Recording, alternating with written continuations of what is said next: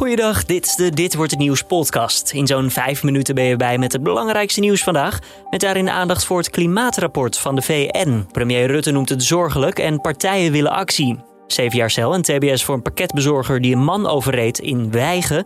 En de Belarussische president Lukashenko ontkent betrokken te zijn bij de dood van een politiek activist. Mijn naam is Julian Dom. Het is vandaag maandag 9 augustus. En dit is de Nu.nl Dit Wordt Het Nieuws middagpodcast. Premier Rutte noemt het nieuwe klimaatrapport van de VN zeer zorgelijk. Dat zei hij vanochtend bij een persmoment. Er zijn volgens hem een hoop vragen. Hoe bereiken we de doelstelling van 2030? Wat is er nodig om vervolgens ook te bereiken de doelstellingen voor 2050? Eh, Wat kunnen we dit jaar nog doen om de gaten die ontstaan eh, dicht te lopen? Daarnaast hebben we het hele vraagstuk nog op te lossen, verder op te lossen van de stikstof. Dus er liggen grote vraagstukken. Volgens Rutte zit er een gat tussen de doelstellingen en de mate waarmee deze met het huidige beleid worden bereikt. Bij de formatie van een nieuw kabinet zal dit dan ook een belangrijk thema zijn.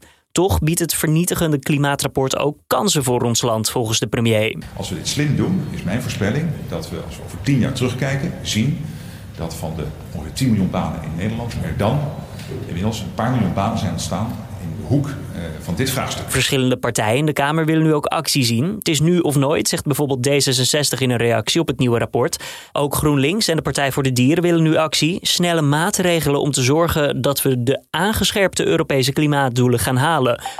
De pakketbezorger die een man in Wijgen had doodgereden moet zeven jaar de cel in en krijgt TBS opgelegd. Het slachtoffer sprak de bezorger vorig jaar november aan op zijn rijgedrag. Dat liep uit de hand. Toen het slachtoffer een foto wilde maken van het kenteken reed de bezorger hem aan en twee keer over hem heen. Hij overleed ter plekke voor de ogen van zijn echtgenote.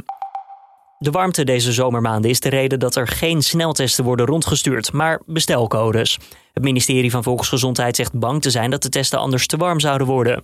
Tussen nu en september krijgen alle huishoudens in Nederland een code thuisgestuurd, waarmee ze kosteloos twee zelftesten kunnen bestellen.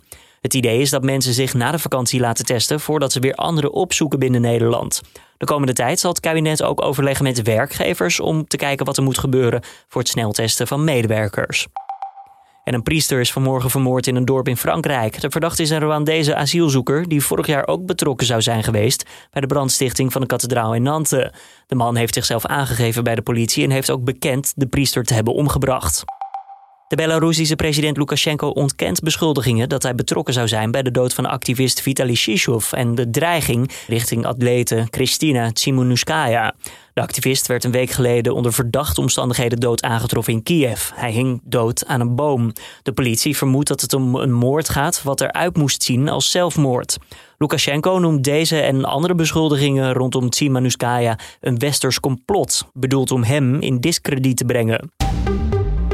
En dan nog even het weer van Weerplaza. Mix van wolken, buien en opklaringen boven Nederland. Vooral in het zuiden en oosten kan er wel fel aan toegaan.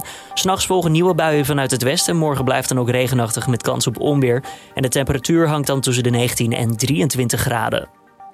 Ja, een kat in de boom, je kent het wel. Eenmaal boven, ja, durft hij niet meer naar beneden toe. Nou, wat doe je dan? Dan bel je de brandweer. Maar in het Groningse Scheemda ging het verder dan alleen eventjes een brandweerladder tegen die boom aanzetten. Poes Odi zat daar namelijk al sinds zaterdag in de boom, maar ja, kwam er niet uit. En zodra er een ladder in de buurt kwam, klauterde het beestje steeds verder omhoog. Daarom besloot de brandweer uiteindelijk vanochtend maar om de boom om te zagen. Mede omdat Odi ondertussen werd aangevallen door kraaien. Nou, de poes is inmiddels weer veilig bij zijn baasje in zijn handen. En dit was hem dan weer, de Dit voor het Nieuws podcast van deze maandag 9 augustus. Tips of feedback altijd welkom, kan je toesturen naar podcast.nu.nl. Mijn naam is Julian Dom en ik wens je voor nu alvast een fijne maandagavond.